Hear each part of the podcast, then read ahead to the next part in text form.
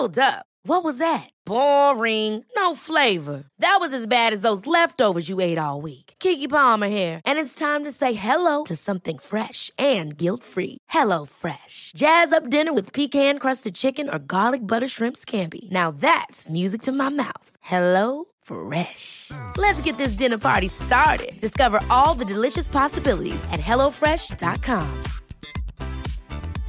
I'm Sandra, and I'm just the professional your small business was looking for. But you didn't hire me because you didn't use LinkedIn jobs. LinkedIn has professionals you can't find anywhere else, including those who aren't actively looking for a new job but might be open to the perfect role, like me. In a given month, over 70% of LinkedIn users don't visit other leading job sites. So if you're not looking on LinkedIn, you'll miss out on great candidates like Sandra. Start hiring professionals like a professional. Post your free job on linkedin.com/people today. Many of us have those stubborn pounds that seem impossible to lose, no matter how good we eat or how hard we work out. My solution is PlushCare. PlushCare is a leading telehealth provider with doctors who are there for you day and night to partner with you in your weight loss journey. They can prescribe FDA-approved weight loss medications like Wagovi and Zepbound for those who qualify. Plus, they accept most insurance plans. To get started, visit plushcare.com slash weight loss. That's plushcare.com slash weight loss.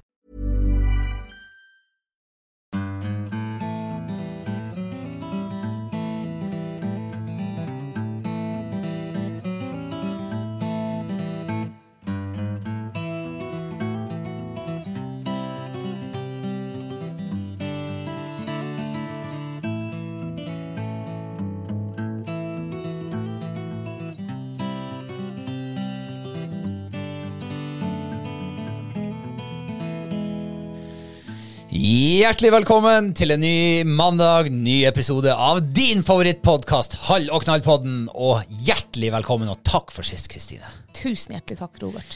Nå våkna du, gjorde du ikke det? Ja, Og det trengs. det trengs, ja. For nå, vi, nå har vi et helt land, en halv verden, som eh, er helt i usynk etter at eh, den fordømte tida har sprunget løpsk med kroppene våre, Ja. biologien vår. ja. Det er helt utrolig hva en time har å si på, eh, på livet. Du er, du, er, du er ikke helt enig i at, det, at klokka skal stilles eh, fram og tilbake?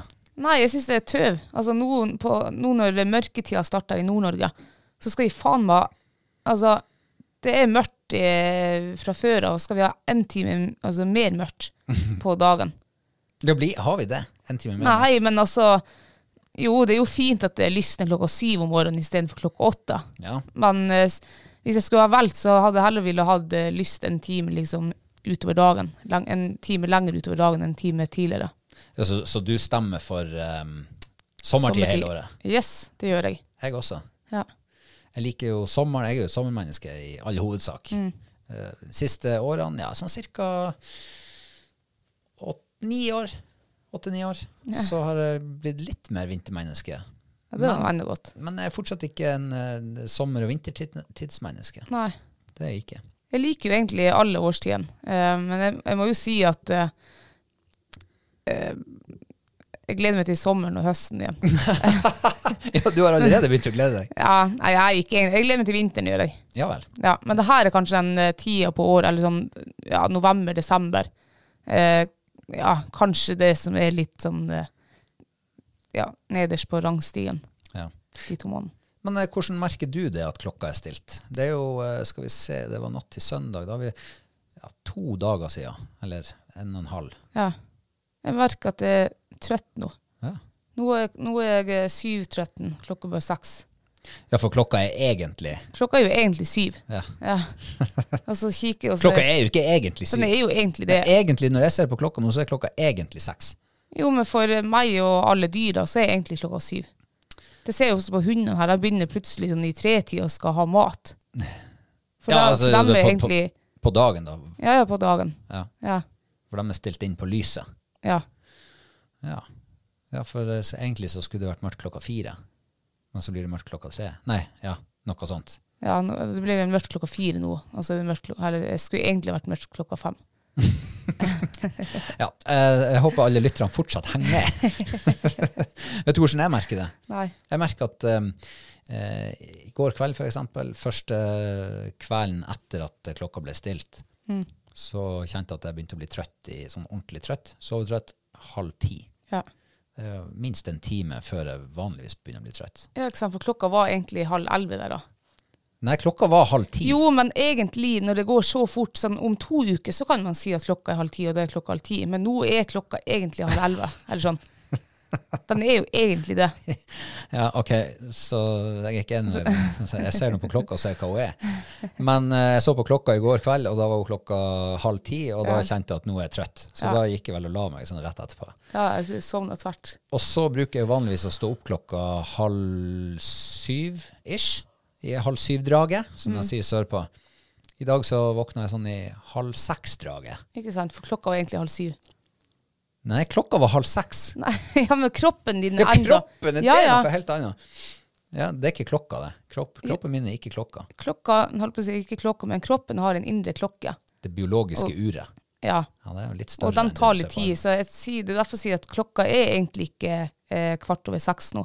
Den er egentlig kvart over syv. Klokka er kvart over seks, egentlig, men din, ditt biologiske indre ur er mer i kvart over syv-tida. Hvis vi kan si det sånn. Så kan vi enes, vi kan Vi- møtes på midten. og Vi kan være enige om at vi er uenige. Det kan vi være. Ja. Ja, men Bra. sånn merke er det på kroppen. Ja. Og når uh, arbeidsdagen lir mot slutten, og uh, ja, Det er sant, du skulle egentlig vært ferdig for en time. Ok, jeg møtte meg sjøl i døra. Jeg kjente at jeg var litt uh, trøttere enn normalt på slutten av arbeidsdagen når jeg så på klokka.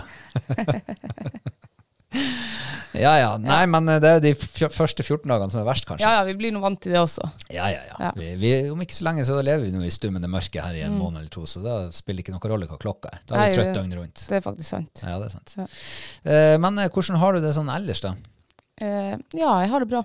Ja, Mm. så bra. Eh, selv etter eh, selv etter helgas fotballrunde.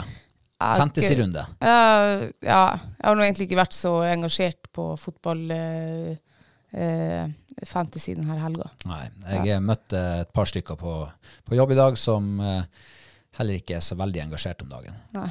Eh, men det handler ikke om fantasy. Oh, ja. Det handler om eh, real life, Ja. IRL, på fotballøya. Oh. De er jo selvfølgelig United-supportere. Oh. Gikk på et forsmedelig nederlag i går. ja. Det blir ikke mye fantasy-poeng av det. ja, det er sant. Null smultring.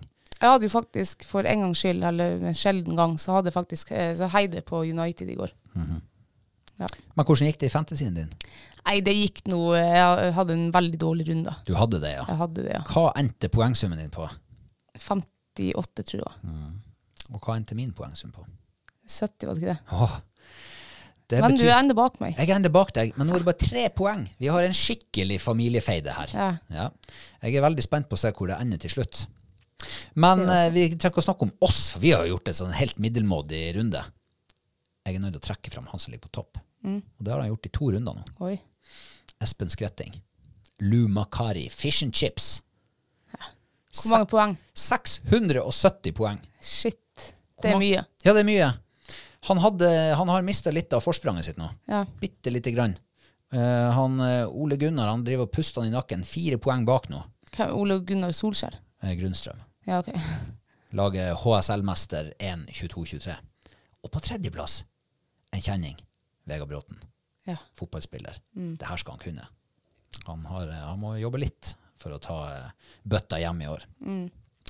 Eh, og så må vi ta dem som Det er to stykker som har altså fått 94 poeng denne runden. Oi. Ja, Det er ikke dårlig. Det er altså en som ligger langt opp på tabellen, og en som ligger langt ned på tabellen. Begge to har litt artige navn på lagene sine. Ja. Eh, Kviby, renn og spenn. Kviby. Kviby, Ja, okay. renn og spenn. Ja. Ja. Og eh, flesk og duppe. Ja, Flesk og dypt. 94 poeng. Det er rundevinnerne denne gangen Ja. i Hall- og knall-ligaen. Rått. Ja da. Eh, og så har det jo slått meg at det kommer jo en cup også i det her. Og der har vi jo ikke noe Vi har ikke noe premie der til vinneren. Kanskje vi må lage noe til vinneren der òg. Hva cup? Cupen i Hall- og knall-ligaen. Å ja, vi sånn? Å ja, ok. Ja, ja, det spilles, men det starter ikke ennå. Starter ikke før i runde 32. Oh. Ja. Eh, det får vi komme tilbake til. Ja. Det, blir, det blir artig å følge videre. Eh, og så har vi en ny patron vi skal ønske velkommen. Oh. Det er bestandig like artig. ja. Uh, og da blir det veldig ydmyk hver eneste gang. Mm. Og veldig glad også. Det gjør jeg også. Og denne gangen så er det Petter Johnsen vi skal ønske velkommen. Velkommen skal du være. Velkommen. Det setter vi pris på. Veldig pris på. Jeg har ikke oversikt nå over liksom hvem, eh, hvem som blir patron til oss, for jeg måtte jo slette den patron-appen min for eh, ja, et par måneder siden på telefon. Ja. Så det, jeg syns det er like spennende hver gang du sier at det har tikka inn en. Ja. Ja, det er koselig. Og så var det jo, det skjedde jo noe her nå for ganske nylig. Eh, Plutselig så var vi oppe i 90 Patreon. Ja. Eh, Og så gikk det jo opp for meg at eh, ja, for det at nå kan du være Patreon uten at du må betale sånn som det har vært før. Oh, ja. Så da kan du liksom henge med, eh, men uten at du får eh, så veldig mye si, igjen for det. Annet enn at du er med, da. Eh, så hvis du er en av dem som, eh, som er med på å bare følge litt med, ja, så hvis alle dere blir eh, betalende Patreon nå, så har vi 90 stykker. Det er bare 10 igjen til vi kan sende stanga ut til en av dere. ja. Ja, ja, mensan. Nei, men eh, da er vi velkommen gjennom, skal vi si, starten på uka. ja. Hva som har skjedd siste uke i livet ditt? Eh, vet du hva, det har vært ganske hektisk. Mhm. Ja. Um, jeg har eh, hatt et oppdrag nå i en tre uker. For rundt i, jeg holdt på å si Nord-Norge, det er jo ikke Nord-Norge, men Nord-Troms, da. Mm. Eh, og sjekka viltkamera for Nina. Ja. Så tida mi er egentlig gått til det. ja, du har jo en utejobb om ikke annet. Ja, ja så jeg klager ikke. Nei, Nei. jeg mener det, du er jo lucky bastard. Mm. Og det som er litt artig, det er jo at jeg eh, har vært på plasser som jeg liksom aldri har vært på før. Og så er det liksom bare ja, rett utfor uh, ja, døra her. Du har vært på nærtur, Nærtur, på, en, ja. på en måte. Nærturjobb. ja. Nærjobbtur. Mm. Men er ikke det fint? Veldig fint. Jeg har sett eh, flere skikkelig fine plasser som jeg liksom aldri har tenkt på å kunne svinge innom liksom, og gå og kjekke på. Ja, Mm. Har du funnet noen nye sopplasser? Ja. Har du det? Yes. Du, jeg fant en sopp eh, 12. oktober. Eh, jeg plukka den ikke med meg. Det var masse steinsopp i den skogen. Du fant sopp, men du plukka ikke med? Jeg fant sopp, sendte snap til deg, bare, liksom, for da var jo steinsoppsesongen over her for over en uke siden. Mm. Men der liksom som jeg var, der var det enda sommer og grønt på ple altså Det var ikke snø der. Og, Ja. Det var rått. Det var mye steinsopp i den skogen der. Eh, du må ikke falle for fristelsen nå hvis noen spør deg eh, hvor det var du fant den der steinsoppskogen, og fortelle hvor det var. Nei, det gjør jeg ikke. Du gjør ikke det, nei. Nei, nei, nei. Kan jeg stole på det? Det kan du stole på, for dit skal jeg neste år. ja, ja, skal, Skal jeg renske skogen. Det er det som er så fint med sopplukking, at uh, du kan renske det, og så har det ikke noe å si for bestand. Ikke sant? De kommer igjen når forholdene ligger til rette. Ja. Så fremst du ikke tar gravemaskin liksom med det, og da rensker du området. Ja, men det Men det ikke gjør jo ikke de, si, de aller fleste sopplukkerne. Nei. Ja. Nei, men det er jo artig. Har du sett noe annet spennende på din uh, vei? Um, ja, nei, ikke noe sånt der. Du har funnet en ny soppskog. Ja, jeg har sett en sånn fjellpikk. Fjellpikk. Ja. Jeg var inne en eh, dal, aldri vært der før. Og når jeg liksom skal snu og så kjøre ned en dal igjen, så ser jeg jøss, der er jo pikk på fjellet, liksom. En ståpikk. Altså helt seriøst. Jeg tok bilde av det, det ser ut som den venneren. og den er liksom helt sånn der naturlig plassert til, eller ja, Han står på utstilling der siden du har sett den så vidt. ja, ja, Litt han står i silhuett mot himmelen. Altså, det er skikkelig fjellpikk. Peker han oppover, nedover eller utover? Peker oppover. Oppover, ja. Ja. Så det, var litt, eh, det var faktisk litt fascinerende. Dagens høydepunkt den dagen. Nei, Så eh, ja, jeg opplevd masse fint. Men eh, hva, hva, hvorfor gjør du det? Altså, hva er det greia? Sånn, hva er det prosjektet? Eh, da, eh, Nina har jo sånn eh, prosjekt Scamcam, tror jeg. Så de har jo vilkår i, i hele Norge. Mm. Så de driver og følger med på, på dyrelivet. Og jeg har jo vært inne på det kartet og sett, for hvis du går inn på Nina sine nettsider, så finner du scancam, eh, viltkamera-greier. Og der er det kart hvor alle de her er plassert. Det er sykt mye sørpå. Og så kan du klikke inn på hvert enkelt kamera, så kan du se hva er det den har tatt bilde av gjennom året. Veldig artig. I hvert fall Ja. hvis man har lyst til å finne ut hva som beveger seg i nærheten av der du bor. da. Hvis du bor i nærheten av et kamera. Så det kan være verdt for eh, folk å stikke innom og gjøre seg kjent med. Ja. Ja, det er det, liksom. Uh, nei, eh, det har jo vært helg. Mhm. Så jeg har vært uh, ja, ned mot kysten og jakte orrfugl. Ah, Og det er så spennende. altså. Jeg fikk være med. Du fikk være med, ja. I et skiterreng. Nei, må du gi deg. Altså, det var skikkelig, det var skikkelig gaupeterreng. Ja, det var gaupeterreng. Ja. Ja. Vi var jo på orrfugljakt. Ja, ja, men det er jo der orrfuglen sitter. Ja, sånn, ja. Og så, og jeg hadde jo ikke trua liksom, når jeg inviterte deg med um, på jakt, altså skogsfugljakt. For, for de gangene jeg har vært med deg eh, der før, så har det vært stauredødt. Yes. Det, jeg ser aldri en eneste skogsfugl når du er med. Og vi, liksom, jeg og Fight vi kan gå flere dager på rad, og det spruter av fugl, og, og når du er med, steindødt. Ja. Men det var det ikke helt denne gangen. Det var ikke helt dødt. Det var ikke det. Og jeg sa jo til deg på morgenen, det var jo litt sånn der eh, skarpt før. Altså, det var veldig sånn eh, mye lyd i skogen når vi trødde. Det var sånn frost på bakken, og, og eh, ja, det var jævlig bråkete var det, bare oss og hundene. Og så sa jeg til deg at eh, For du trodde du hadde liksom ikke trua hvis det var fugler, så trodde ikke du at vi kom på hold. Jo, se faen, hvis hun fight klarer å, eh, liksom få orrfuglstrykket, så tror jeg det. Eh, nå er ikke det her noe sånn, eh, sånn skryt eller noe sånt her. det, det, Men- det er jeg veldig spent på hvor du hvor, Nei, men det var jo akkurat det som skjedde. Ah, Skryt, ja. Nei, hun fight. Hun klarer, hun går ut 100 meter fra speng i stand. Vi kommer ned, og jeg kommer ned, og jeg står attmed henne, jeg ser dekkene hennes, hun peker liksom opp mot meg. Vi hadde sånn sidevind. Og da kikker jeg på deg liksom peker at fight står nedfor meg her. Og der spruter det ut en orrhane rett foran føttene på meg. Så eh, de var jo veldig heldige, da, for han gikk jo rett over hodet på Fight. Fight hoppa jo så høyt hun klarte etter den. ja. Uh, Den uh, orrfuglen skal være glad for at hun Fight ikke var tre år og superspretten enda. Nei, det skal hun være, for da, hun har tatt fugl før i, eh, når de har fløyet over henne. Nå var hun ikke like kjapp. Nei. Eh, men jeg tror hun faktisk syntes det var artig. Og denne fuglen både så og hørte henne. Ja, hun gjorde det, ja. Ja, ja, hun gjorde det. For hun var på tur og renne ned etter den. Han fløy så lavt opp bakken, så jeg vet ikke om hun trodde at eh, vi kanskje skjøt på den. Men vi holdt igjen skudd begge to, men eh, det var en veldig artig opplevelse. Jeg har ikke vært i Årfuglskogen nå på huff, gud hvor mange år. ja. Så det, uff, det var så koselig. Det ga mersmak, og jeg blir nok ferdig ned mot kysten igjen og kikke etter orrfugl. Ja, vær så god. Og da blir jeg, jeg aner meg at det blir å gå alene, da. For du eh, syns det var dritt her. Jeg syns ikke det var dritt, men jeg, jeg trives bedre og kan gå og eh, Hva jeg skal si Uh, Hygge meg, slappe av. Ikke sånn at jeg må liksom uh, holde fast i, i treet med ene hånda og holde hagla med andre og liksom og nesten svinge meg fra tre til tre for å, for å komme bortover, uh, bortover fjellsida. Ja, akkurat sånn var det vel ikke. Ja, men det føltes sånn. Ja. Så det, det er ikke mitt favoritterreng, for å si det sånn. Åh. Nei, eh, da, da, da, da trives jeg bedre på, oppe på fjellet, litt oppe i høyden. Og litt, litt, eh, kan gå, altså, jeg syns jakt er trivelig. Det, skal være, det er litt avslappende for meg. Sånn der, da kan jeg slenge alt av hverdagslige tanker og bekymringer og alt mulig annet man skulle ha gjort.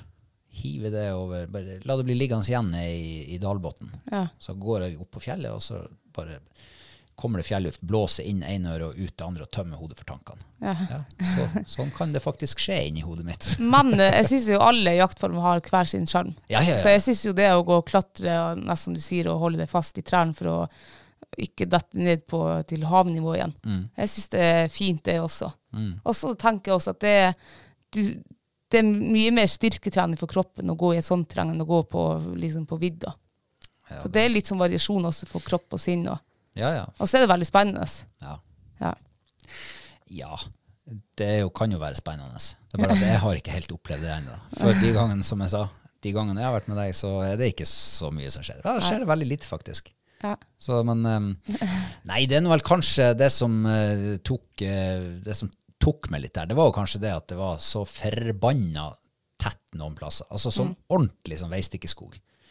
Hvis jeg hadde vært uh, den som høgde veistikket til de skuterløypene, så hadde jeg foren dit. Ja. Og så hadde jeg høgd.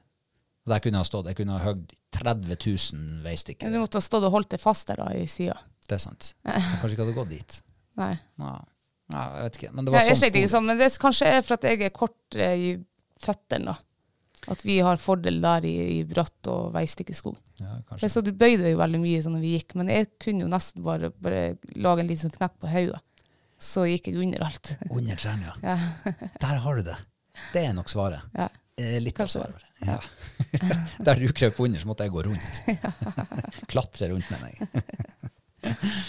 Nei da, men det var jo fint vær. Det var jo fint å være ute i, skogen. Ja, det var veldig fint. Det Det var, var godt å komme ut igjen. Og nå, eh, nå er jeg ferdig med de viltkameraene der, så nå i morgen så skal jeg igjen i Tiurskogen Ego Fight.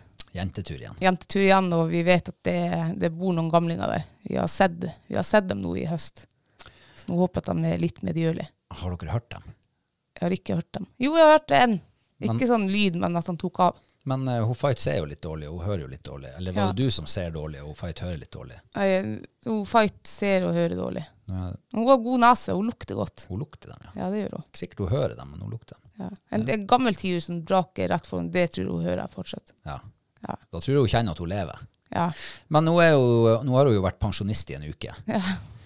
Har hun, har hun fått vertjeger den siste uka? Nei, hun har vært med på jobb. Ja. Ja. Har hun huska å skrive timer? Hun har skrevet timer, så nå er hun har faktisk eh, jobba seg til bra mange grisører. Ja. Mm. Hvor mange timer må hun jobbe for å få seg et grisøre i betaling? Det er en dag. Ja. To, to arbeidsdager. For, ja, to, ja. Hun får én grisøre per dag, men jeg må spe det liksom litt utover. Mm. Ja. Skjønner. Yes. men hun er fornøyd. Ja, ja. Ja, ja. Jeg har eh, Jeg vet ikke om det er siste havfisketuren for i år. Jeg er litt usikker på det. Um, mens du gjorde siste arbeidsøkt i går, så tok jeg meg en tur på havet. Mm. Uh, og nå er det jo lenge siden vi har vært ute sist. Det er Ja. flere uker siden. Det er det, ja. Um, men um, det var fint vær i går. Mm. Og det var ganske kaldt, faktisk. Det var tolv minus her oppe i dalen da, da vi sto opp. ja. Så um, jeg tenkte det blir kaldt på havet. Så jeg kledde godt på meg, for ned i havna, og der var det jo eh, helt vindstille. Og sola kjeik akkurat over eh, fjellene i, i, i sør. Akkurat sånn at det liksom var solgløtt og du ble blenda. Eh, det var bare ett problem. Ja. Eh, det er noe med motoren på båten når det blir eh, frost. Ja. Og eh, det her problemet er jo stadig tilbakevendende hver høst. Blir frost, starter motoren, den starter fint, men det kommer ikke den kontrollstrålen, altså pissestrålen. Nei. Den uteblir. Sånn var det i fjor også. Ja. Og det var flere turer på havet som gikk fløyten av det der. Ja, ja, for i fjor, Vi skulle jo på hvalsafari i fjor, Ja. men det kunne vi ikke pga. den pissestrålen Ja. som aldri kom. Og den dagen da det var blankstille ut gjennom hele Reisafjorden og Kvænangen i fjor, så kom ikke pissestrålen. Nei. Og da gikk det i dass. Ja. Uh, men eh, så jeg ble, tenkte bare farsken, altså nå må jeg bare fære hjem igjen da. Så, men jeg tenkte at jeg skal nå skal nå la motoren gå. Det kan jo være at det bare er litt fråsent inni der. En eller annen plass. Kanskje det løsner. Starta motoren, eh, lot den stå dure og gå, og gikk bak dit og pirka litt inn i det der pisseholdet der, og nei da, det kom ingenting. Prøvde å blåse inni der, nei, ingen forandring. Kom ikke noe pissestråle Nei. tok og Ja, jeg hadde latt motoren stå så lenge. Sant? For du aner jo ikke virker det eller virker det ikke. Får den kjøling eller ikke. Så jeg stoppa motoren, lot den stå en stund, og tenkte jeg starter på nytt igjen. Uh, starta opp, fortsatt ikke pissestråle. Bjørklund blir mer og mer frustrert, ser bare at eh, fisketuren den sklir, den, den sklir hen. Det blir ikke noe av. Bak dit, ausekarret, mokke saltvann inn i pisseholdet der. Skjer ingenting. Stopper motoren. Tenker nå blir det varmgang, skjærer den seg. Og så sitter jeg der og tenker åh, skal jeg bare gi meg nå? Jeg hadde så lyst til å komme ut, så jeg tenkte ikke riktig ennå. Begynte å google litt. Og det var jo, det var jo dommedag, ikke sant. Det var, jo, det var så mye store feil det kunne være. Oh, ja. Ja, ja, det var, du måtte opp med alt og blåse gjennom med trykkluft. Nei, og, så var det så ille. Ja, det var masse forskjellige problemer det kunne være. Impelleren måtte du kan- kanskje skifte, og det var, det var sånne ting jeg ikke hadde hørt om fantes inn i en poengsmotor. Og så tenker jeg nå, jeg får starte den opp en gang til da. Og starte den opp, da har den stått og kanskje gått i ti minutter til sammen over en to-tre runder. Der kom pissestrålen. Åh. Så det ble tur. Jeg ble så glad. Vet du hva, det var da bare Åh! Alt letta seg fra skuldrene mine. Hoppa om bord, løsna fortøyningen og peisa ut på fjorden. Og det var så deilig. Sjekka pissestrålen. Den pissa som bare juling hele dagen. Jeg torde ikke å stoppe motoren engang. Den? Nei, den, den sto og bakka hele tida. Veldig lite fisk å se på sjøen. Å. Mye fugl, lite fisk. Så jeg tenkte da legger vi nå bare på utfor tunnelåpninga. Der bruker å være litt fisk av og til. Ja. Så selv om jeg ikke så på loddet, så var det faktisk litt liv nedi der. Å. Men de tok ikke ordentlig i. Fikk eh, mange som eh, slapp, mye sånne småinger som jeg krøkte, men fikk to fine fisker. Ja. En lange og en hvitting. ja. Lange, Jeg vet ikke om jeg har fått lange siden vi bodde i Lyngen for masse år siden. Nei, jeg tror ikke det. Der fikk vi et par stykker, og det var en fantastisk matfisk. Ja, den var god, altså. Så oppdraget mitt eh, fra deg, det var jo å fære ut, få matfisk, middag til søndagen. Mm. Og da var middagen i boks. Ja. Da var det bare å velge. Ja, det var bare å velge. Ja, ja. Til og med valgmuligheter, hvitting eller eh, lange. Og begge to har vi jo lært er fantastiske matfisker. Ja, ja. Jeg er veldig stolt over deg. Det var jo, eh, for Vi hadde jo ikke planlagt eh, søndagsmiddag, så vi hadde jo lapskaus nede i fryseren. Backup, Eh, liksom. Backup, ja, så vi kunne ta opp hvis det ble fersk fisk. Man jobber jo best når man har litt press på seg. Og det å liksom gi oppdrag til mannen når han drar til sjøs, kom ikke hjem uten søndagsmiddag. Men du, i morgen skal jeg i skogen på tiurjakt. Vi har jo ikke planlagt middag for i morgen. Kan ikke du liksom gi meg den her samme beskjed? Vil du ha det? Ja. Da får du det her og nå. Ja. Eh, kom ikke tilbake før du har eh, tirsdagsmiddagen med deg. Greit. Og klarer du ikke det, så blir det lapskaus. Ja, det er greit. Nå har jeg trua deg også. Ikke det Lapskaus er jo ikke noe dårlig backup. Jeg kan finne noe, noe rå sild. Ja, ja. Ja. Altså, nå er jeg så lei sild og spekka sild og spekka laks. Du får ikke spikka sild, du får rå sild. Nei, uff. Ja, greit. Eh, nei, så det var fakt, men det var eh, ordentlig fint på havet. Det var, eh, det var så deilig, og jeg kom på land, så tenkte jeg er det her siste turen på havet i år, altså? Ble det her, det? Skal jeg Nei, skrive nei, jeg tror jeg må en tur på havet. Mhm. For Men jeg har lyst til å dra på hvalsafari. Jeg hører jo hvalen er begynt å trekke inn mot de her fjordene nå. Så det har jeg veldig lyst til å dra på. Jeg blir med på det.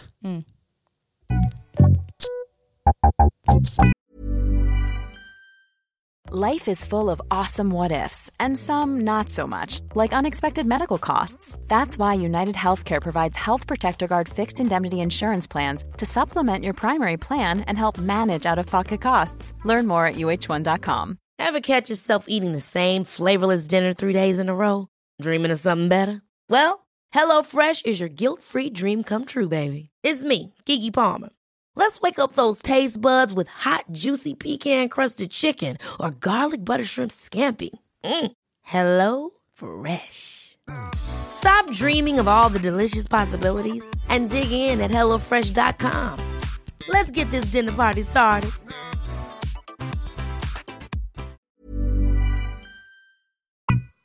Du, jeg kom over et eh, leserinnlegg i NRK her om dagen. OK. Eh, det er da under overskrifta 'Stopp unødvendig jakt'. Åh. Og det er en som heter Gunnar Hasle som eh, har skrevet det her. Han står bak det innlegget. ja. Han har tittel 'Lege med doktorgrad i zoologi'. OK. Han skriver eh, ingressen her det er, det er absurd at det er tillatt å drive småviltjakt i norske nasjonalparker. OK. Eh, Da kjenner jeg at eh, levra mi begynner å røkke, i hvert fall. Ja. Det er absurd at det er tillatt å drive småviltjakt i norske nasjonalparker. Jeg skjønner ikke hva som er absurd med det. Ja, det, Hæ, skjønner du ikke det? Nei, jeg skjønner ikke det. Det er jo absurd. Ja, Men hvorfor? Hvorfor? Nei eh, Hvorfor? er Det unødvendig jakt. Ja, ja, altså Jeg skjønner jo at han mener det, men jeg skjønner ikke hvorfor han mener det. Ja, Jeg syns jo vi, er, vi, skal være, altså, vi skal være stolt, vi som bor i Norge, at vi har eh, rettigheter i nasjonalparker. At vi har lov å være i dem og, og, og liksom dyrke lidenskap om så det må være fugletitting eller, eller jakting eller eh, toppturer eller båling eller Vi er jo veldig privilegerte med det. Sa du fisking? Eller fisking, ja. Ja, ja. Han har holdt fisking utafor det her. Å ja, okay. Han har skrevet et eh, ganske langt leserinnlegg. Ja. Um, med veldig, veldig mye å ta tak i for oss som ikke er helt enig med han. ja. Men eh, jeg kan jo gå litt sånn gjennom det. Mm. du har lest eh, litt av deg sjøl, har du ikke det? Jeg har lest det, ja. Ja. Eh, det han eh, sier da, vi er vant til å gå i norsk natur og nesten ikke se noen ville dyr. Det trenger ikke å være sånn. um, eh, ja. Eh, Orrfugl, rugde, svartand og hare er eksempler på arter som faller inn under betegnelsen jaktbart vilt Ja. i Norge. Man ser dem sjelden, Og når man ser dem, så er det på lang avstand. Åh. Ja, ok, so far so good. Eller har du noen eh, innvendelser til det? Nei, altså, da må vi tenke jo han er jo eh, kanskje litt uheldig da, eller går ikke han, Kanskje han ikke kjenner til leveområdet til de her fuglene. da. Mm. Ja, han er jo tross alt zoolog. Ja, men det er jo litt merkelig, da. Da er han eh, zoolog bare sånn eh, inne på kontoret, da. For jeg går nå ut, og jeg ser nå både rype og årfugl og rugde og hva mer var det, Mm. på nært hold. Han eh, sier at eh, vi har vakker natur, men det er lite dyreliv å se. Og så sammenligner han oss med de afrikanske nasjonalparkene. Eh, for der mener han jo at man ser mer, eh, flere pattedyr på én dag enn man eh, kan gjøre i løpet av et helt liv i Norge.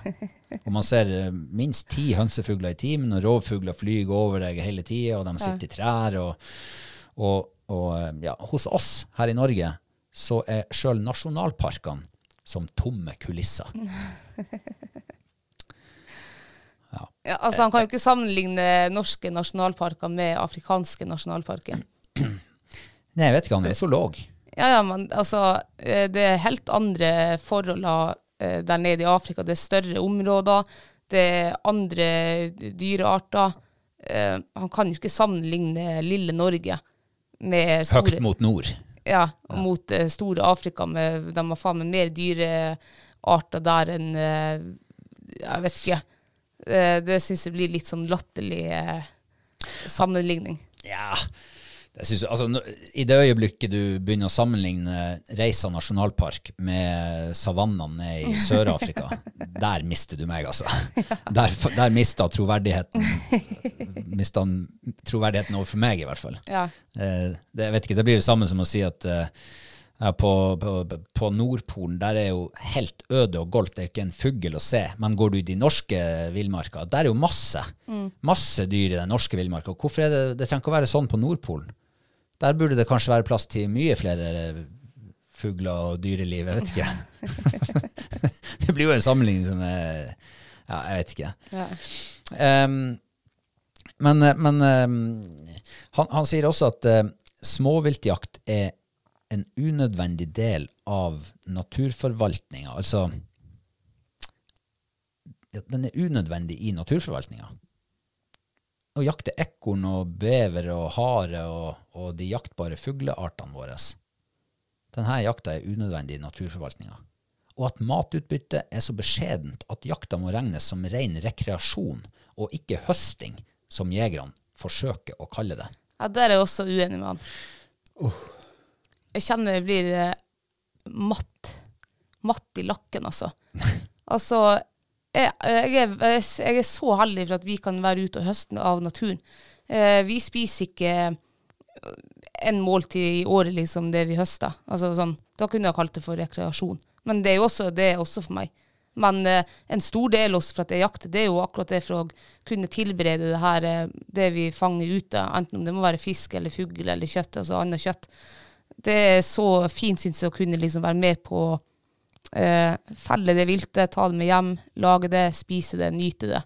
Det er liksom, det er opplevelser, og det er, du vet hvor det dyret kommer ifra, du vet, du, hadde, du vet det hadde det godt, det dyret der, og ja, det er så eksotisk. Um, ja. Ja, men han, eh, han, han påpeker jo her at det er jo Altså, i, På begynnelsen av 1900-tallet så kunne en jeger skyte 30 ryper om dagen. Eh, og eh, nå får hver rypejeger i snitt tre ryper per år. Ja. Eh, og det er jo Altså, ja, det er det han mener rekreasjonsjakt. At vi går ut og skyter i snitt tre ryper hvert år. Det er så lite matutbytte at det ikke det blir ikke høsting. Nei, nei, altså noe høsting er jo ikke det det var for 100 år siden. Altså Før var det jo ma- matauk. Og da var det jo sikkert ikke like mange jegere da som nå. Da var det kanskje en jeger i familien som var ute og, og, og, og matauka eller høsta da for den familien, sånn at de kunne berges det året der. Det er klart da, da skyter de jo eh, 30 ryper på en dag. Men eh, det var jo andre forhold også, for det var jo sikkert ikke i nærheten av like mye rev og råfugl og kråkefugl og ekorn og alt det som tar rypeegg og, og eller ja, hønsefuglegg. De skjøt det bort. Ja, det var vel ikke en eneste rev i det landet her. Det var ikke en ulv, og det var, ikke, det var Nei, ingenting. ingenting var det. Kråke, de hang på fjøsveggen. Ja. Ja, det samme gjorde eh, rovfuglene. Mm. Ørn og, og hønsehauk og alt mulig. De hang inne i garasjen. De var steinedaude. de. Ja, Det tok han ikke med i sin eh, betraktning når han skal sammenligne på 1900-tallet kontra nå. Nei, altså ja, jeg, Nå er ikke jeg noen zoolog, og i hvert fall ikke sånn naturhistoriker. Men uh, man ser jo bilder fra predatorjakt i, i gamle svart-hvitt-bilder fra, fra kanskje både før og etter krigen, hvor, uh, hvor jegerne uh, aktivt var ute og jakta rev og, og andre rovdyr. Ja, ja. Og, og fuglepredatorer. Det var jo skuddpremie før på ulv og bjørn og alt mulig. Mm. det var, jeg tror det var 25 kroner for en ulv, eller hva det var. Det var masse penger på den tida. Ja. Så det er klart at eh, de, eh, ja, de gikk inn for å, for å utrydde uh, predatorbestanden, så at de kunne få høste av, eh, av naturen, og sikkert av å, å eh, forsvare sine bufe. Og kanskje de tjente litt penger også. Det gjorde de nok. Solgte skinn og solgte rype. Og Jeg tipper jo at det der eh, På den tida der så Ja, kanskje det var litt eh, usunn forvaltning med at du nesten utrydda både rovfugler og, og andre firbeinte predatorer. Jo, jo. Men, men altså, de hadde jo et forhold til det her. Ja, det de gjorde en det for å overleve. Ja, de gjorde det jo Jeg er sikker på at de solgte skinnene, det de ikke brukte sjøl, og de solgte de rypene de skjøt, og de harene de skjøt. Mm. Uh, ja. Men uh, det var kanskje ikke alt som var like human jakt på den tida. det var revesakse, og det var snarer og jeg Ja, vet ja. ikke. Mm, Ja, det er jo glad vi ikke eh, eh, bruker nå. ja. Eh, og så har han jo noen regnestykker her som ikke jeg i hvert fall får å gå helt opp. For han sier at um, hekkebestand av lirype er gjennomsnittlig 150 000-200 000 par per år. Ja, og at det skytes over 100 000 ryper per år. ja. Det han glemmer å ta med i regnestykket altså, da- Han får det til å høres ut som at vi halverer bestand. Ja. Vi jegerne halverer bestand hvert eneste år. Men det han glemmer å ta med i regnestykket, det er jo at hver av de her 200 000 lirypeparene de legger jo egg. De, jeg tipper dem, hvis jeg skulle ta et stikke fingeren i været, så har de i snitt ti egg hver. Altså i, i teorien så er det ti rypekyllinger som blir født. ja. Og det skulle jo bety at denne uh, lirypebestanden kan være oppe i godt over to millioner etter hekkingen hvert år. Hvis alle blir klekka, da. ja, ja. Hvis ikke reven har vært og spist dem, eggene. Ja, men sant, så da, da det har han utelukka, da. Så det for, da tar jo vi bare en liten prosent, da. Ja, kjapp Altså, ordregning skulle vel si sånn eh, rundt 5 Ja. skal jegerne da i snitt klare å, å skyte hvert år. Ja. Men hva skjer med resten, da? For det, hvis det er 200 000 par igjen, det er 400 000 ryper, det. Mm. Ja, da er det jo ca. 2,2 millioner 2-2,2 millioner ryper hvert år som avlider ved døden. ja. Hvor blir dem av? Nei, de går vel i revekjeften eller hønsehauken eller ja, kanskje de rovfuglene som han mener ikke finnes her i Norge. Som det faktisk er ganske mye av. Ja. Ja.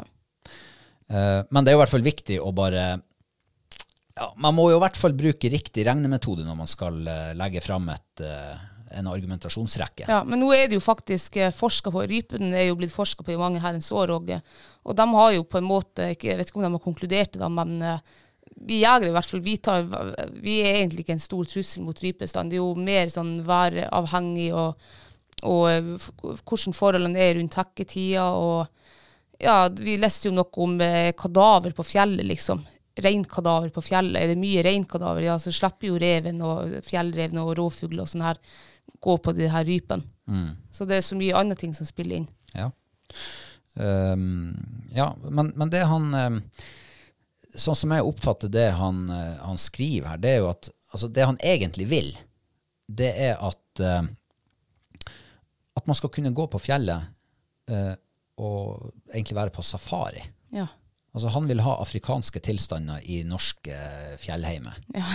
han, han, han skal kunne gå på stien og se både hare og rype og, og rovfugler eh, fra der han er. Ja. Ikke bare på lang avstand. Nei. Men eh, jeg må jo si at jeg vet ikke helt hvor han har vært og trødd hen, men eh, her oppe så ser vi Jeg har nå aldri sett så mye rovfugl som nå Nei. de siste årene. Her er jo helt altså, Her er helt vanlig Eller det er uvanlig å ikke se rovfugl når du er her ute og trør i, i skog og fjell. Jeg ser det jeg tør nesten å si at jeg ser det hver gang jeg er ute. Så ser jeg en rovfugl, enten en spurvehauk eller en hønsehauk eller en fjellvåk eller altså, ørn. Så det, han sier at han nesten ikke ser rovfugler. Det vet jeg. Han kan jo neppe være mye utendørs. Jeg vet ikke om han er inne i Oslo. Ja, kanskje han går der i Går i parken, Slottsparken. ja, der skjønner jeg at han ikke Ja. ser det. Men altså, det, han, han eh, sier òg her at, eh, at um, han henviser til en, et område utafor Oslo hvor det ikke er lov å jakte. Ja. Og der er andefuglene blitt tam. Ja. De er ikke redde oss mennesker lenger. Jeg, jeg kan ikke forstå at det skal være et poeng at, at eh, dyrene og fuglene i naturen ikke skal være redd mennesker. Nei, men nå, altså, jeg har jo vært i Tromsø, og der er det jo eh, bydue, det er vel kanskje det han kaller for ringdue, eh, og ender, sånn parkender. De er ikke redd mennesker, for vi har matet dem fra de ble klekt ut av egget. Eh, så det kan heller ikke sammenlignes med eh, ute i, i eh, villmarka, liksom. Nei. Mener jeg, da. Ja, ja. Eh, han sier at under 1,5% av befolkninga i Norge er registrerte småviltjegere. Det er småviltjakta han vil til livs. Ja. For uh, hjortejakta, altså storviltjakta, det er i orden å drive med. Det er jo tross alt kjøtt på bordet. Men det er den her småviltjakta som ikke er kjøtt på bordet. Det er noe kjøtt på bordet også for mange familier. Ja, Skyter jeg en hare, så har du mat til en søndagsmiddag for en liten familie. Men jeg mener å lese øh, at han hadde skrevet at hare, det ser han omtrent ikke, og hvis han ser det, så ser han det på kjempelang avstand. Jeg har jo nesten lyst til å invitere han Hasle med meg hit ut til, til øyen vi har her i Nord-Norge. Ja. Skal han faen få lov å kan klappe hare hvis han uh, altså, Så nært kommer han dem. La han komme til Arnøya i mars. Ja, ja. Da skal han få klappe både hare og rype i trærne. Og havørn. Og ørn, ja. Ja, masse havørn. Jeg så havørn i går, jeg. Ja, jeg så det til senest nå for noen timer siden. Ja. Eh, men det det han da, jo, en og en halv, under 1,5% av befolkninga i Norge er registrerte småviltjegere. Og han vil påstå at denne lille andelen, altså sånne som meg og deg, og du som hører på, ødelegger naturopplevelsen for resten av oss. Og at vi skader biomangfoldet.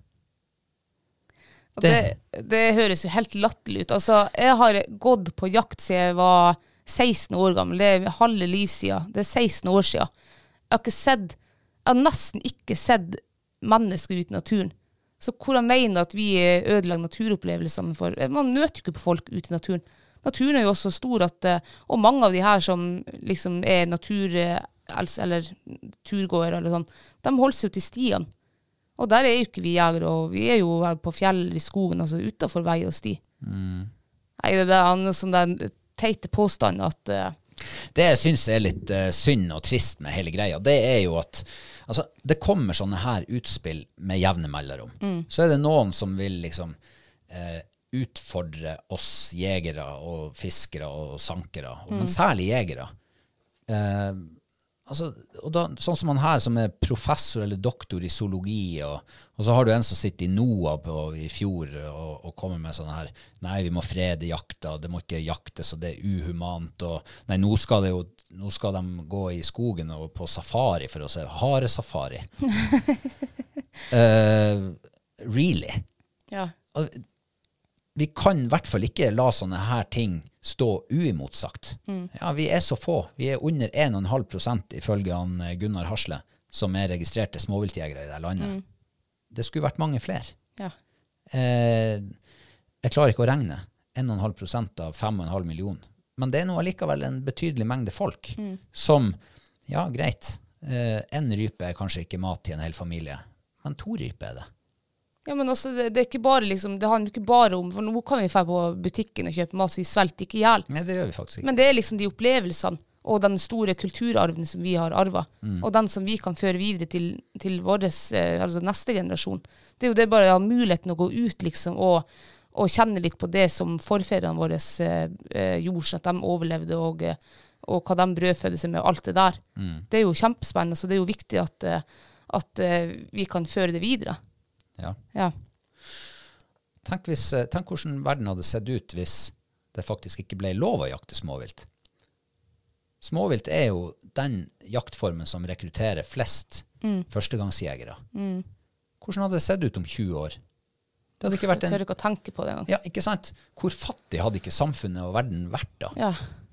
Det, det jaktes Det har vært jakta i Så lenge menneskene har gått på to bein, så har det vært jakta med spyd og med fallgroper og med spidding og med Ja, de har sikkert kvelt rein i gamle dager. Mm. det er sånn det er. Sånn har vi overlevd på denne kloden vår. Og sånn skal vi fortsette å holde på med. Ja. Så ja, eh, jeg kjenner at, jeg kjenner at det, når det kommer sånne her innlegg, så, så det rører noe djupt inni meg som jeg, jeg er så rivende uenig i det. Og det er Ja, kanskje det- ikke bestandig jeg klarer å få det sagt på en, på en god måte, men, men eh, man må i hvert fall ikke la det stå usagt, uimotsagt. Nei. Og uh, jeg tror nok at hvis, hvis alle vi jegere hadde liksom nesten eh, kommet med sånn her jegerbrøl Det er jo klimabrøl, og det er jo forskjellige brøl rundt omkring. Kommet med sånn jegerbrøl, så hadde det plutselig blitt en stemme og, som hadde blitt ganske sterk. Så jeg tenker at eh, kanskje man må bruke de mulighetene man har til å snakke sånne folk eh, Jeg vet ikke om jeg skal si snakke dem til fornuft, for det går sikkert ikke. Nei, det går fall- nok ikke. men i hvert fall eh, tale dem litt imot. Ja. Eh, for det her blir fort en sånn opp, opplest og vedtatt sannhet hvis det kommer mange ganger nok. Ja, ja. Vi er, vi er under press. ja. Men det kommer jo innimellom kommer det sånne her eh, eh, morsomheter fra sånne folk som han. Mm. Og så, men så tror jo folk på det. For sant, vi, det er jo 98,5% av Norge som ikke er jegere, som kanskje, mange av dem kanskje ikke har forståelse, eller ikke, liksom har litt lite peiling. Mm. Ja, da er det jo lett å tro på en som har doktorgrad i zoologi, Mm. men som egentlig eh, mener jeg prater ut av eh, ja, altså nonsens. Ja, nonsens. Jeg skjønner i hvert fall ikke hva han egentlig vil. Nei, det høres ut som han vil gå her i, no i Norge og på eh, safari. Han vil ha tusenvis av dyr i alle skoger. Hva tror du hvis vi skulle ha gått her, og så hadde det vært, eh, du hadde gått på en elgflokk på 300 dyr? Det hadde vært livsfarlig. Jeg hadde ikke tort å gått ut. Og da må du i hvert fall ha hatt våpenet med meg hver gang jeg skal ut av døra. Da skulle vi i hvert fall hatt store, store vidder med vei igjennom, sånn at du faktisk kunne sitte trygt. For jeg skulle ikke ha blitt overfalt av 300 elger Nei. med kalv. Jeg syns det er fint at, eh, at dyrene her i Norge uh, hva det heter, oppfører seg normalt, og ikke sånn som nede i Afrika. For dyr de er jo, de har jo også av natur at de skal være redd fienden, og det skal være uh, Ja. Det er fiender, og det er venner, og det er Ja. Tenk hvor kjedelig det hadde vært hvis alle dyrene var tam. ja. De sto og venta på deg, og, og, så du fikk knipse bilder av dem og jeg vet ikke hva, filme dem, og så, og så kjøre videre med bussen din. Det har jo ikke vært noen opplevelse da ute. Nei. Han kan fære på sporsafari, for det er mye spor å se i naturen. Det kan han gjøre. Da ser han at det er dyreliv. Her er masse dyr her, Ja, ja. og fugler. Lær, lær deg noe spor, eh, Hasle. Ja, og jeg ser de eh, store naturopplevelsene jeg har, det er jo faktisk når jeg ser en- av eh, kanskje de fire store rovviltene, for de er veldig sjeldent. Um, og eh, hadde jeg skulle ha sett en gaupe eller en jerv hver dag, ja, det hadde ikke vært så stort da. Nei. Det hadde vært, ja, nå ser jeg jo elg annenhver dag liksom her, og det er jo ikke noe stort. Så det blir, hvis vi skal se alle, det jeg synes det er flott at uh, dyrene holder seg i skog og fjell og, og langt vekk fra oss mennesker. Så at det er, det er en litt altså en stor opplevelse når du først ser den. Men det høres ut som at Hasle kanskje må litt, eh, gå litt mer ut og trø i, i fjell og skog. For uh, hvis han aldri har sett en, en fugl eller en hare eller noe, så ja, da vet jeg ikke hvordan jeg trør den. Det er kanskje det ene på Karl Johan, da, som Ja. du sier. Ja. Ja, det kan være. Ja. Nei, skal vi si at vi Åh, nå har vi fått rista Fått ut litt av frustrasjon. Hæ? Kanskje vi skal linke til det, her, eh, den, det leserinnlegget i eh, episodebeskrivelsen. Det kan vi så gjøre. til dem som ikke har lest det, så kan dere eh, herved kose dere med det. Mm. Og så gjerne skrive, skrive et debattinnlegg. Lite motsvar.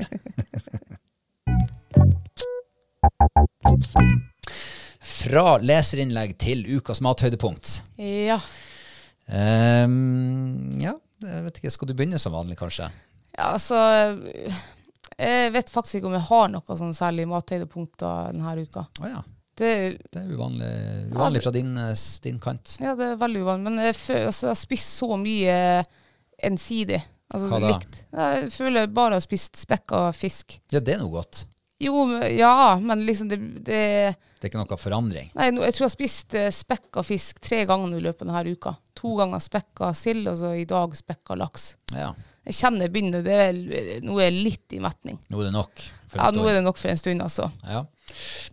Ja, så nei, så da har du ikke noe mathøydepunkt å, å fremheve. Nei, altså, det er bare de fiskene jeg husker. Jeg husker faen ikke hva jeg spiste denne uka her. Det kan jo hjelpe deg litt, da. Ja. Vi åt jo en lange fersk i går. Blodfersk lange. Det er jo, ja. Ja, se der. Var ikke det godt? Ja. Ja. Stemmer det, ja. Ja, Ja, det var jo kjempegodt. Du, eh, Lange har jeg ikke spist siden vi bodde i Lyngen. Har du ikke Eh, det, nei? Nei. For jeg tror ikke vi har fått det. Nei, jeg tror ikke heller det. Vi har, fått, vi har fått brosme. Det er vel den, det som ligner mest av Ja, den vi har fått. og det fikk vi i sommer. Den var god. Den var god, ja. Mm. Eh, Lange husker jeg jo for mange år siden når vi fikk det, at fy faen, det var jo en av de bedre hvitfiskene jeg hadde spist. Mm. Og den skuffa jo ikke i går heller. Nei. Så eh, ja, herregud. eh, Lange blir da min mathøyde Eller ja, punkt. Mat, Mat- eller punkt, ja. Ja. Ja, ja, ja, det er jo noe. Herregud, jeg hadde helt glemt av dem. Jeg husker bare de spekka fiskene. De, den, den forrige laka vi spiste Nei, ikke laka. Sa jeg lake nå? Lange. Lange. Lange. Lake, det er nesten brosme. Men eh, langa, det var jo fra Lyngenfjorden, og da eh, lagde vi den som en sånn urtestekt Stemme. lange. Og jeg, jeg husker den var kjempegod. Ja.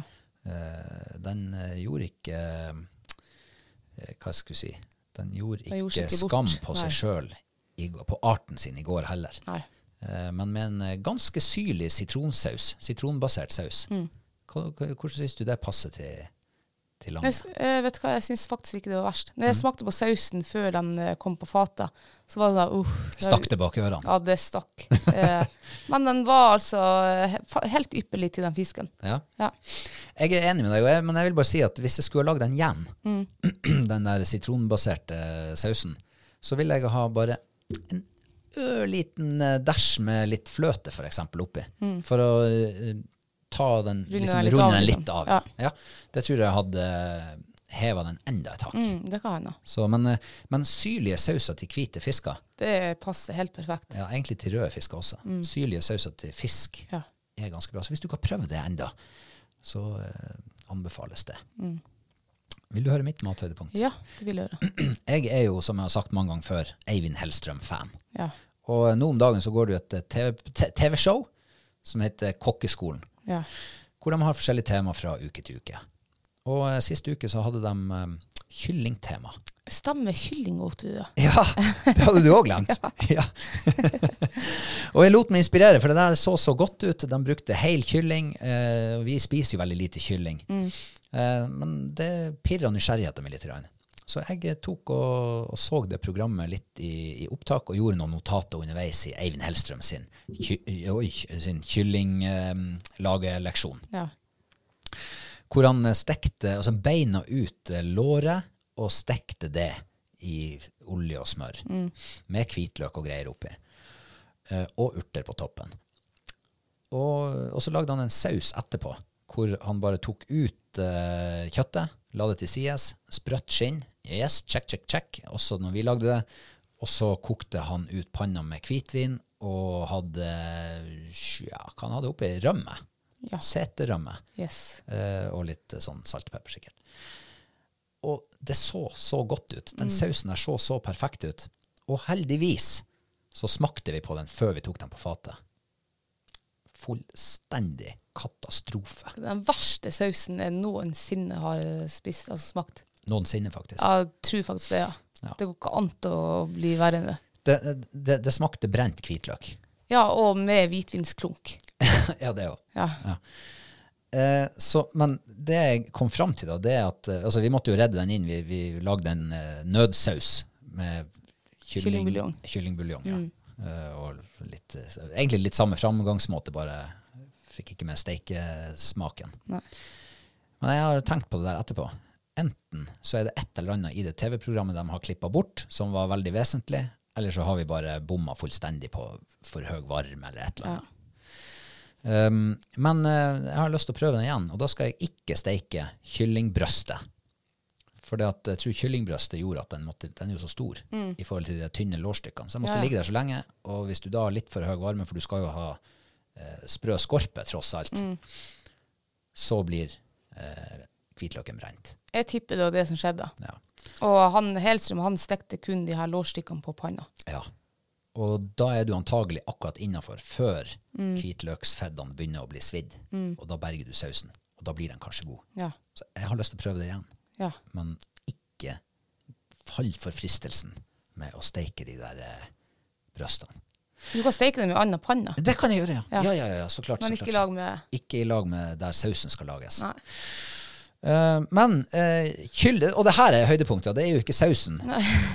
men kyllingen, ky lårstykkene av kyllingen som da var ute, skitgodt var det. Det var en skikke, det er noe med de beste kyllingrettene, altså kyllingkjøttet jeg har spist i mitt liv, tror Mm. Så eh, ja, kyllingen i den ble uh, mathøydepunktet. Ja, det var veldig godt. Var det. Du, jeg, jeg ber jo på dine vegne om at denne uka skal bli litt mer minnerik enn forrige uke, sånn matwise. Men vet du hva, det tror jeg den blir, for vi skal feire åtteårsdag nå på onsdag. Herregud! Og da blir det jo en treretters. Og det blir treretters med masse kjærlighet. Det blir satt av hele ettermiddagen og kvelden til matlaging. Så det, Vi skal det feire kjærligheten. Det skal vi. ja. Åtte år i lag. Det er ikke verst, det. Nei, Nei. rekord. Eh, Det begynner å nærme seg. er det rekord for deg? Ja. ja, ja, da får vi håpe at det blir et eh, mathøydepunkt også. Ja.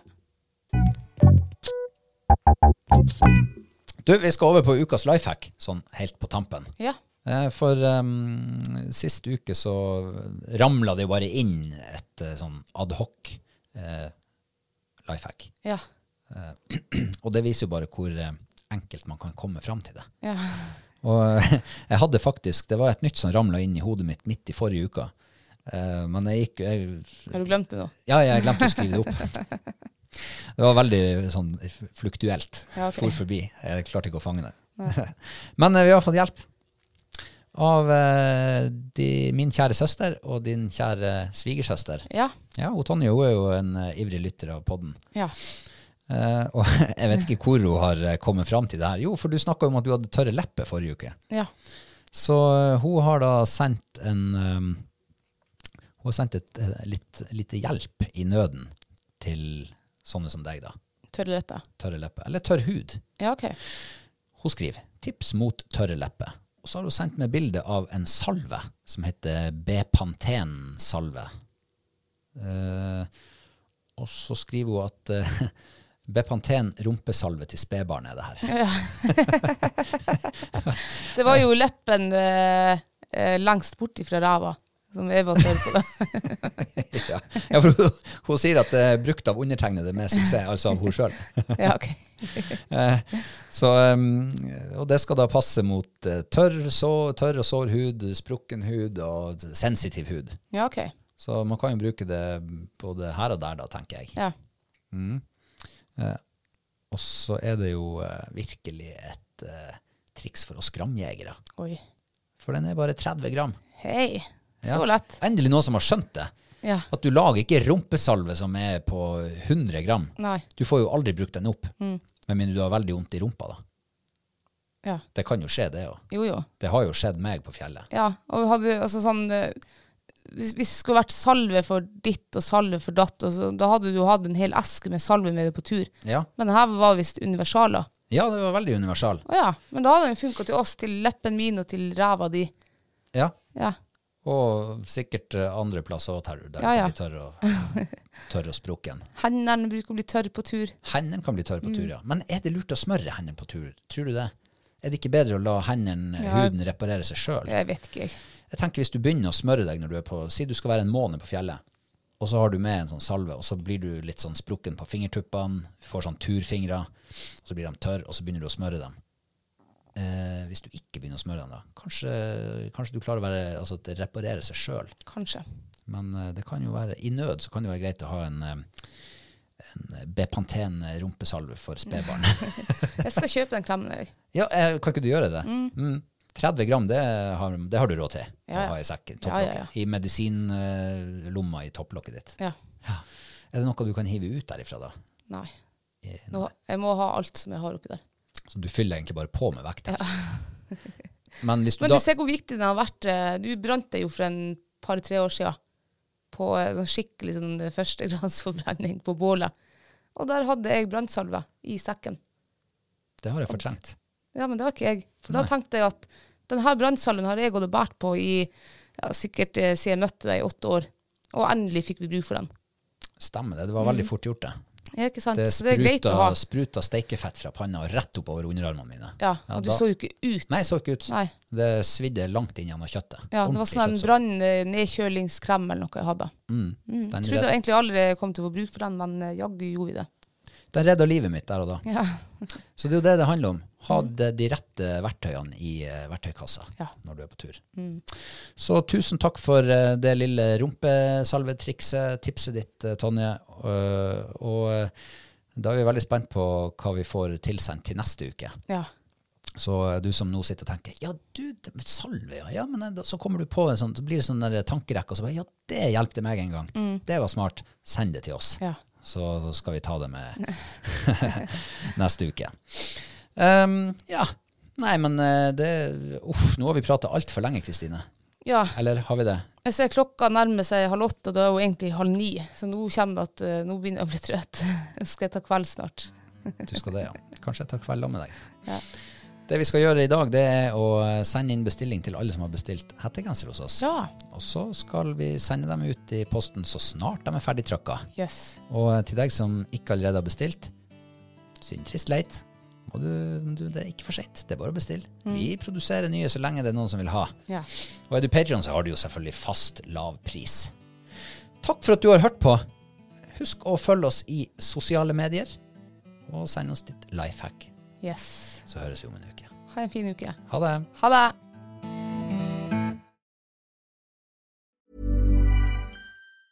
Ever catch yourself eating the same flavorless dinner three days in a row?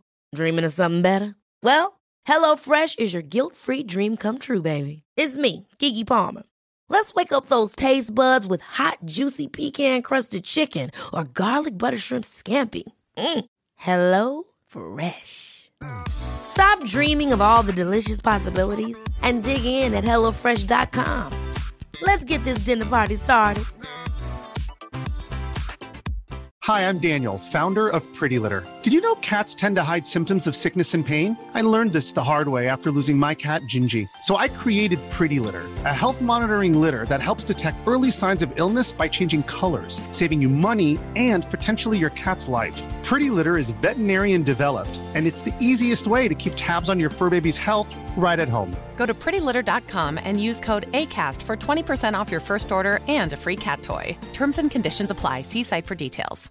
Imagine the softest sheets you've ever felt. Now imagine them getting even softer over time. That's what you'll feel with Bowl and Branch's organic cotton sheets. In a recent customer survey, 96% replied that Bowl and Branch sheets get softer with every wash. Start getting your best night's sleep in these sheets that get softer and softer for years to come. Try their sheets with a 30-night guarantee. Plus, get 15% off your first order at bowlandbranch.com. Code BUTTERY. Exclusions apply. See site for details.